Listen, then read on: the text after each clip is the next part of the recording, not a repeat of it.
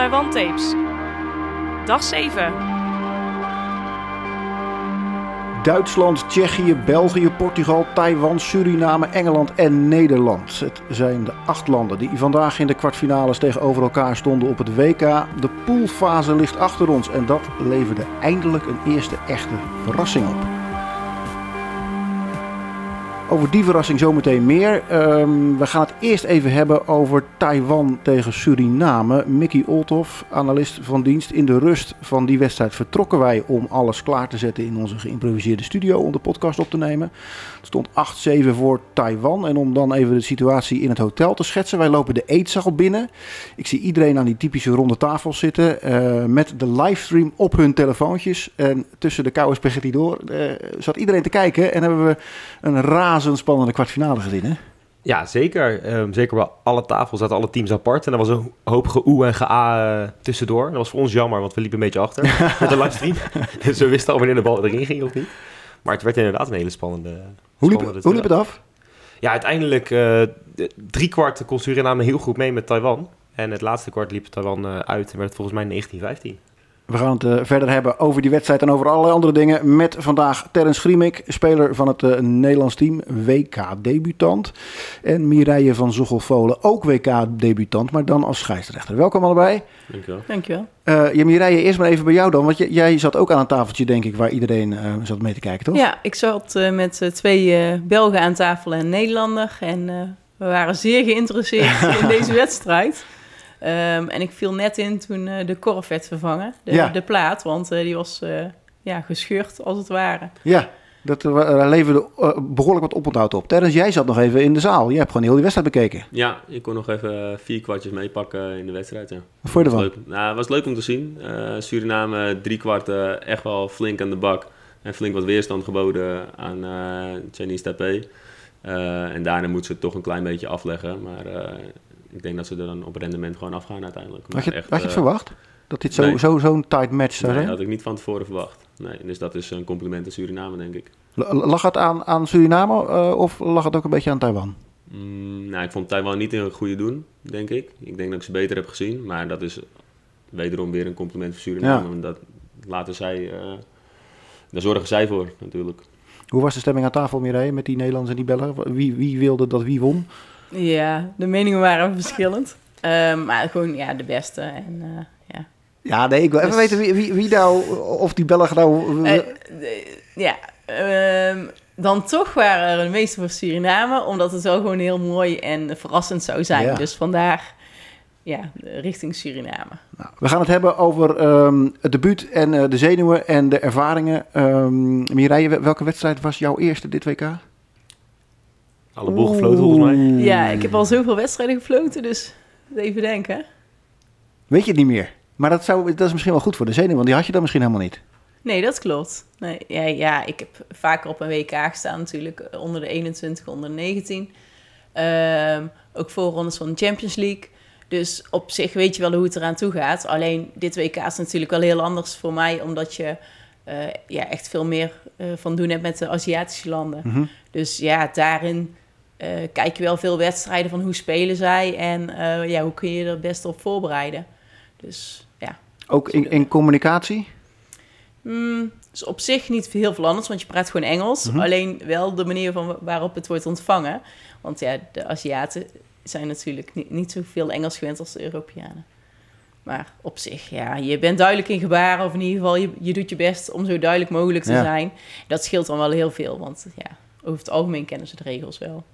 Terrence, ik zei WK-debutant, dat klopt natuurlijk. Ja, Op zich heb jij ook al eh, internationale ervaring met World Games wedstrijden en andere toernooien. ja de World Games waren, me- was mijn eerste toernooi inderdaad. Dus eh, mijn eerste WK'tje nu. Ja. Maar, is dit, eh, maar is dit dan toch anders en, en, en spannender? eh, of, of ervaar je dat niet zo? Ehm, nou, voor de wedstrijden zelf vind ik het niet spannender dan de World Games. Het toernooi is natuurlijk wel anders. Kijk, hier is het gewoon alleen korfbal. Eh 24 landen die meedoen. En eh, World Games was eh, heel groot met heel veel verschillende sporten. Eh, de zaal die vaak wat voller zat, omdat er meer mensen waren gewoon in, eh, in dat hele dorp. Dus daar zit wel een verschil in eh, ten opzichte Mhm. van hier. Ja. En heb je, eh, hebben jullie allebei bepaalde, bepaalde voorbereiding waar je altijd aan voldoet? Nee, dat bijgeloof heb ik eigenlijk niet. In Nederland eh, eet ik altijd nog even een portie lasagne voordat ik ga Oké. spelen. Maar dat eh, is hier, hier nog wel een beetje lastig. Maar voor de rest, eh, nee. Wal- Walter zei het net al, het is koude pasta. Ja, ik moet nog eten, dus eh, bedankt. Ik zou het anders kiezen als ik jou was. Mireille, heb jij dat, een bepaalde voorbereiding? Nee, nee. Nee, gewoon relaxed blijven. Goed voorbereiden op de wedstrijd. Dus eh, goed bekijken van waar, moet je op, ja, waar kun je rekening mee houden. Maar ja, goed, het- elke wedstrijd is anders. Dus ja, soms is het ook gewoon improviseren. Of, Mhm. En gewoon je ding blijven doen. Eh, We hebben het over debuten, Mickey. Jij, Ja, kan, erover ja. mee, jij kan erover meepraten, over eh, eh, een debuut. Als commentator vandaag. Ja, er was een plekje, plekje vrij eh, in het commentaarteam bij de wedstrijd van Nederland notabene. Dus eh, toen kwamen ze naar me toe om te vragen of ik misschien eh, het co-commentaar wilde geven. Ja, dat was erg leuk. Ja. Heb je het al teruggeluisterd? Net een heel klein stukje. En? Ja, ik ben wel tevreden eigenlijk. ik was heel benieuwd hoe het Engels zou klinken. Want ik ben ondertussen wel gewend aan hoe mijn Nederlands eh, terugluisteren klinkt. Maar in het Engels... eh, ik ben niet ontevreden, laat het Ik zo zou zeggen. vooral ook nog even andere mensen wat vragen. Dan, eh, is goed.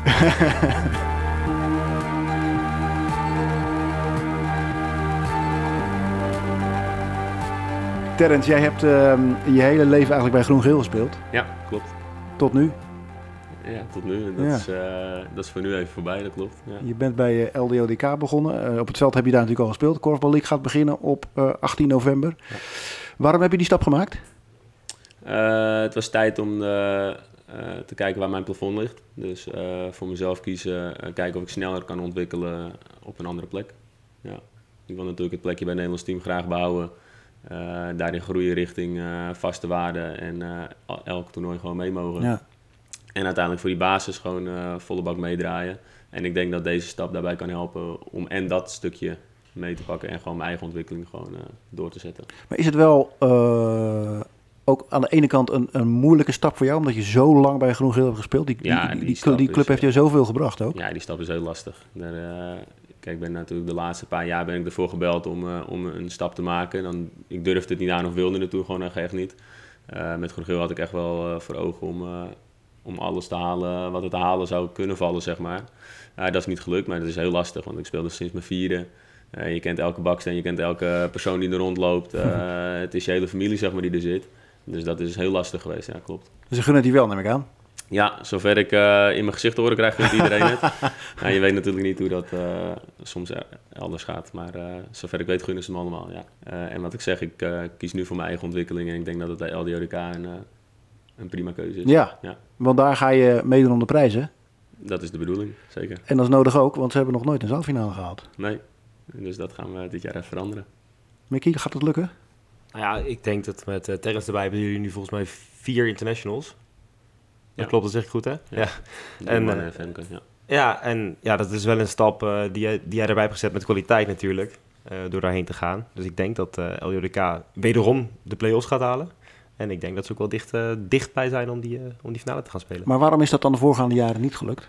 Ja, ik denk aan de ene kant gewoon dom pech eh, met een play-offs of op een vierde plek eindigen, waardoor je de play-offs tegen PKC komt. En die heeft gewoon bewezen elke keer net eens een klein beetje beter te zijn.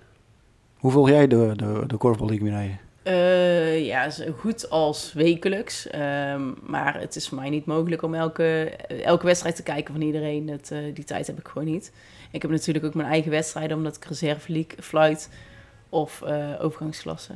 Ja, nu op het veld heb ik dan hoofdklasse gefloten.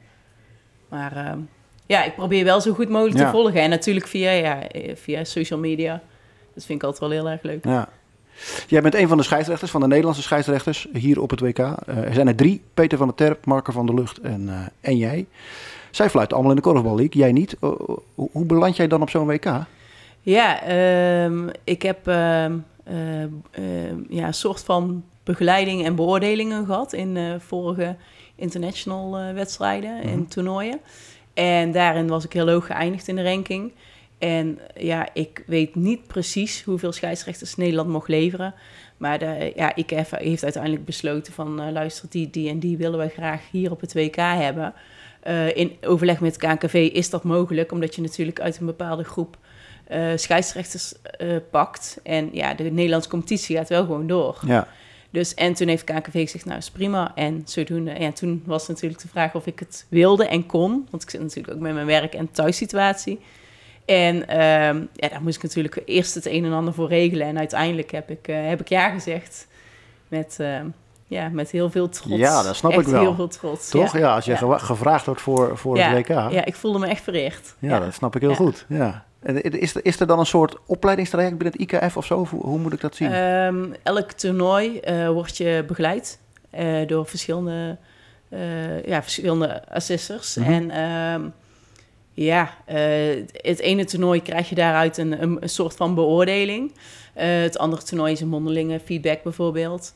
Ehm, dus, en ja, daarin heb je zelf ja, hard te werken. Waar wil je aan werken? Hoe ga je dat doen? Wat heb je ervoor nodig? En ja, je bent er zelf bij, dus het is ook net wat je zelf wil investeren. Dus ja, ik probeer wel na mijn wedstrijden al meteen een aantal dingen eh, te, op te pakken, te evalueren met mijn eh collega scheidsrechter. Mhm. Eh, ik vraag ook heel vaak aan de reserve scheidsrechter van... Hey, wat vond, vond jij ervan? En dan de films terug gaan kijken. Wat ging goed, maar vooral ook wat moet beter.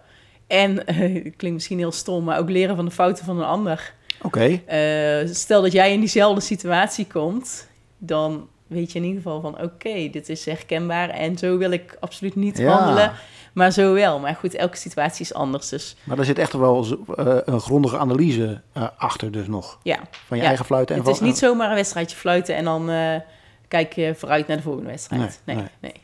Je, je wist niet even je, je, je debuutwedstrijd, maar, maar geef eens een voorbeeld van andere wedstrijden die je, die je dit WK hebt, hebt gefloten. Eh, Vandaag bijvoorbeeld. eh, vandaag had ik eh, Ierland-Nieuw-Zeeland. Het was een hele spannende pot. Uiteindelijk één doelpunt verschil. Mhm. Eh, en volgens mij gaf ik in de laatste minuut een vrije worp. Of strafworp. Iets in ieder geval waarvan ik dacht van... Oeh, dat kan best wel van invloed zijn. Oké, dus die ga je nog even terugkijken. Hoe Die dat... ga ik sowieso terugkijken. Maar ik vond het even belangrijker om eerst het weekend te eten. Om heel eerlijk te zijn. Ehm, en eh, ja, die ga ik vanavond gegarandeerd terugkijken. Ja. Terrence, ben jij iemand die, die met een scheidsrechter bezig is tijdens een wedstrijd? Eh, ik probeer het niet. Maar Dus, dat, eh, dat, dat, dat, dat verraadt al iets heel anders. Ja, kijk, het gebeurt natuurlijk.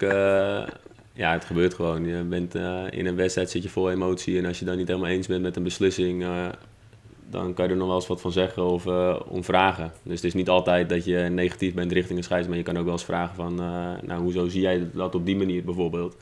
Maar ook ik kijk dan de wedstrijd terug en dan denk ik achteraf, shit, had ik eigenlijk niet zo moeten zeggen. Of de scheids had gelijk of wat dan ook. Of juist niet. Ga je er op zo'n toernooi dan an- bijvoorbeeld anders mee om dan in de Korfbal League? Ja, op zo'n toernooi als dit ga ik er wel anders mee om, ja. Kijk, eh, wij zijn hier gewoon eh, eigenlijk elke wedstrijd zoveel sterker dan de tegenstander. Dat als je dan ook nog op de scheidsrechter eh, gaat letten, die eh, in andere landen gewoon een heel andere competitie fluiten, dus het niveau gewoon heel anders is. Als je daar om druk gaat maken, ja, dan ben je met de verkeerde dingen bezig. eh, hier, vind ik. Wat doe jij, Mireille, als eh, stel dat Terrence nou echt denkt... joh, Slechte beslissing scheids, tier, dan vloekend komt hij op je af. Kaart trekken.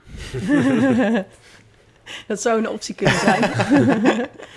ja, ik zou hem in eerste instantie bij me halen en eh, zeggen van, hé, hey, doe even rustig. En dan eh, ja, proberen dat hij in- één zin kan vertellen wat er nou aan de hand is. En wel naar luisteren, want hij heeft niet die emoties. Eh, ik zou niet meteen de kaart trekken, maar het ligt er ook aan hoe die op je afkomt. Als hij dreigend op me afkomt, ja, dan is het meer zelfbescherming. Maar ik denk niet dat je daardoor juist iets bereikt door een kaart te trekken. Nee. dan wordt hij alleen maar bozer. Ehm, en vooral op zo'n toernooi, je kent de spelers gewoon niet goed genoeg daarvoor. Ehm, dus ja, het is proberen eerst rustig te worden, eh, een stukje luisteren, maar ook gewoon van nou, dit is mijn beslissing. En ja, daar blijf ik bij. Ik laat me niet overhalen of zo, want ik, ik heb het toch gezien en ik ben neutraal. Nou, het gekke is, dat weet Terrence natuurlijk ook wel als het op je afkomt. Maar toch, toch heeft hij dan die emotie. Ja, maar ik vind het hoort ook een beetje bij, die emotie. Eh, ja, korfbal is ook, ja, het, het, ja je, je werkt met mensen, dus ja. En Sport is emotie, toch? Dus dat, Ja. eh, En ik ook als scheidsrechter heb emoties. En ik fluit ook misschien wel eens een keer te hard. Of ik praat te hard. Of dat een speler denkt van... Nou, dat had je ook anders kunnen zeggen. Ja, wij hebben ook emoties. en ja, we, we proberen professioneel mogelijk te blijven. En dat lukt, lukt eigenlijk altijd wel. Maar ehm, ja, dat ik snap dat bij spelers ook wel. Dus ik vind... Je moet wel een beetje nadenken over eh, hoe de situatie is.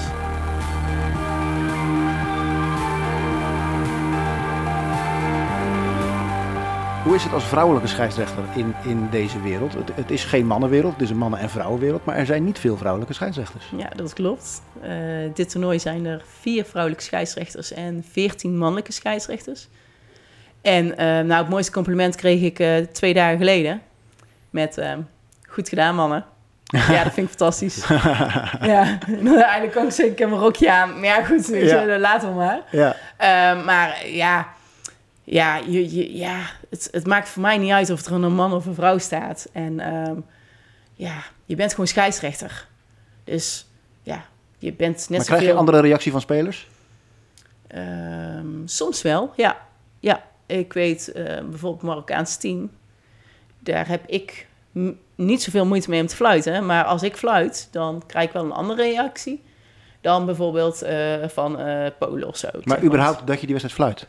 Ja, dat is wel eens. En dan eh, ja, krijg je toch, ja, toch anders. Ja, Ja, ja. dat is Ja. ook een beetje cultuurverschil, denk ik. Ja, ja. Ehm, ook zij moeten eraan wennen dat er vrouwen zijn die kunnen fluiten. Of die willen fluiten, net hoe het zien. en ehm, ja, je bent scheidsrechter. En ja, toevallig ben ik een vrouw. ja. Ja. Terrence? Ma- Maakt niet uit toch, man of Nee, vrouw? maakt mij helemaal niet uit. Nee. Nee. Als het eh, kwalitatief goed is, dan eh, is het prima. Want Diana fluit wel in de Korfbal League. Ja. Weinig gat nog. Weinig gehad nog. Ja. Oké, kun je weinig over zeggen. Ja. Eh, ik wil wel eigenlijk nog even met jullie over de finale hebben. Eh, finale met Nederland betekent dat er geen Nederlandse scheidsrechter is. Helemaal prima. Ja? Ja, Want? ja, de beste moet in de finale staan. Ja. En als je ziet hoe de wedstrijden van Nederland zijn, ik, ehm, ja, ik zou me kapot schamen als Nederlander als Nederland niet in eh, de finale komt. Ja, maar, hij, Maar- wordt, hij, wordt, hij wordt dan niet gefloten door, door, Ja. door eh, of Peter of jij of eh, Marco. Of Errol. Of Errol. Ja. Ja. Ja, dat klopt. Ja, jammer voor ons. Ja, ik ben ik heel makkelijk in. Maar- dus het hoogst haalbare is de, is de troostfinale. Maar het kan toch wel, of niet? Of kan dat niet? Dat een Nederlander in Nederland fluit, Terrence? Ja, het is natuurlijk een lastig verhaal. Je gaat altijd eh, van de tegenstander krijgen dat er, dat er belangen zijn voor de scheidsrechter ook dat je eigen land wint. Dus kijk, in principe zou een scheidsrechter eh, neutraal kunnen zijn, alleen je gaat scheef oog krijgen. Ja. Maar hij wil nog niet zeggen dat ze winnen als Nederland in de finale zeker, staat. zeker. Maar Maar als ze dan winnen en er zijn discutabele Ja, beslissingen, Hè, dan ga je natuurlijk eh, echt gezeik krijgen. Ja, Terrence zei natuurlijk net eerder al, ehm, die, hij reageert minder op die scheidsrechters, zijn van ander niveau, spelen in een andere competitie. Dus wat dat betreft zou ik snappen als je ervoor kiest om bijvoorbeeld wel een Nederlander op te stellen, maar het moet met, wel met iedereen van tevoren besproken zijn dat het, dat het zou moeten kunnen. Ehm, want ja, de Korfbal is gewoon de hoogste competitie ter wereld en daar fluiten die scheidsrechters dan eenmaal. Want ook daarvoor zou kunnen gelden, de beste moet de finale hebben. Ja, maar ja, en en ik, ehm, weet niet of, ik weet overigens niet of dat dan de Nederlander is, maar het zou, het zou moeten beide kanten van het verhaal kloppen. En eigenlijk wilde ik nog een vraag stellen over wat jij nu zegt. Mhm. Ehm, wie denk jij, jij loopt bij de scheidsrechters rond, als je zo nu mag zeggen wie de finale zou fluiten, wie zou dat dan zijn? Oeh, die is lastig. Want ik heb, ja, wie is nou de beste? Dat vind ik ook een hele moeilijke. Nou, wie vind jij nu het meest constant? Dat kun je ook... eh, ja, afvragen. ja, maar het is ook weer lastig omdat wij meestal nu twee wedstrijden op een dag hebben. één fluiten, één reserve. Dus ik heb ook nog niet eens iedereen gezien. We zijn met zo'n grote groep. Ehm, ja, ik zou wel denken aan een Europese scheidsrechter. Maar om nou een naam te noemen die de finale zou kunnen fluiten... en het mag geen Nederlander zijn... ja, dan neig je al meer richting een Berleg of een... Ja, Nee, ik denk, eh gokje, dan eh dat duo wat net Suriname eh, tegen uh, Zenis Tapé misschien vloot. Dat Mhm. zou kunnen. Steve mij is Jones. dat een Engelsman en een... eh, Carlos. Carlos, eh, Ja. uit eh, Dat zou Portugal. kunnen, kijk, ik zou het niet weten. Maar het hangt ook af wat de finale wordt. Kijk, als er een eh, Ja. Belgisch koppel is of een Belgische scheidsrechter en eh, België haalt het niet, ja, dan zou dat misschien kunnen. Ja, ja. Als het eh, wel België in de finale wordt, zou misschien wel eh, uit Taiwan de scheidsrechter eh, het kunnen worden. Ja, geen flauw Even jullie wedstrijd van vandaag, 36-2. Ja. Eh, er zat een momentje in dat jij een beetje bozig was. Vertel. klopt. Ehm, ja, we moesten natuurlijk sowieso eh, in mijn vak doordraaien met drie mannen. Dus ik moest de eerste 13 op de bank beginnen en daarna mocht ik eh, in principe de 27 andere minuten lekker spelen. Eh, in de rust had ik nog een klein beetje hoofdpijn, dus ik had even om eh, aspirine gevraagd. Van die tikken hè, die je tegen Tsjechië kreeg. Ja, dat denk Ja. ik. Kijk, ik weet niet zeker, maar eh, het kwam op en ik denk, ik doe even aspirine erin en dan Ja. komt het wel goed. Mhm. Dus toen aspirine wilde ik doorslikken, maar die bleef zeg maar een beetje hangen op mijn tong. Dus ik slikte hem niet lekker weg. En toen, nou ja, wat gebeurt er als je een aspirine niet wegkrijgt? Ja, dat is gewoon echt een hele smerige smaak. Ja. Dus die, die kwam weer even terug. Dus nou ja, en dan, dan volgde denk ik een klein beetje miscommunicatie tussen, eh, tussen hoe ik iets breng en eh, hoe het wordt eh, geïnterpreteerd bij de staf, denk ik. Want die halen me er dan vervolgens uit, uit voorzorg waarschijnlijk. Ik heb ze nog niet erover gesproken, maar... eh, Omdat ze dan denken dat je je toch niet helemaal nou, dat ik misschien toch niet fit ben Ja, of wat ja, dan ook. ja. Ja, ja, dus dat zal de reden kunnen zijn. Dat zullen ze nog wel eh, bij me zeggen, denk ik. Maar eh, dus daar baal ik gewoon van. Ik voelde me voor de rest prima op, op een klein beetje hoofdpijn na. En eh, ik wilde gewoon minuten maken, ik wil gewoon spelen. Ja, tuurlijk. Daarvoor ben ik, ik ben hier niet om op de, continu op de bank te zitten of op mijn hotelkamer. Ik wil gewoon in het veld staan. Ja, ja. Dus eh, daar zat een beetje frustratie op dat moment. Ja. Klopt. Eén wedstrijd nog even te bespreken. Eh, Mickey, nou misschien wel twee. Eh, want we hadden het over Tsjechië en Duitsland. Daar hebben we het niet over gehad, maar wel over die verrassing. En daar zit de verrassing. Ehm, laten we eerst even luisteren naar het moment dat Duitsland de laatste aanval niet maakt. Ik stond achter de bank van Tsjechië en toen gebeurde er dit. What a major upset. What a, what a nerve-wracking game. Yes, it was. We know that, that we had chances in this match and we took them. So yeah, when we you know catch the ball in the defense, I know that it's over. So like it was like 30 seconds or I don't know. So yeah, this was it was great feeling and uh, that's why we play Corval for these moments. I don't have any words. It's amazing. Uh, we've uh, didn't beat Germany for the last 10 years, so now it's the semifinals and beating Germany by one score. So I'm, I'm as happy as I ever can be.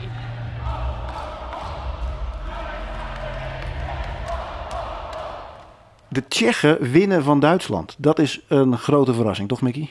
Hoeveel werd het trouwens? Het was 2019.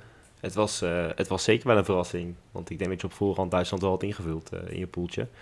Eh, en ik denk de Duitsers zichzelf ook. Eh nou heeft Duitsland natuurlijk ook al een zware wedstrijd gespeeld tegen Australië... waar ze niet helemaal goed voor de dag kwamen.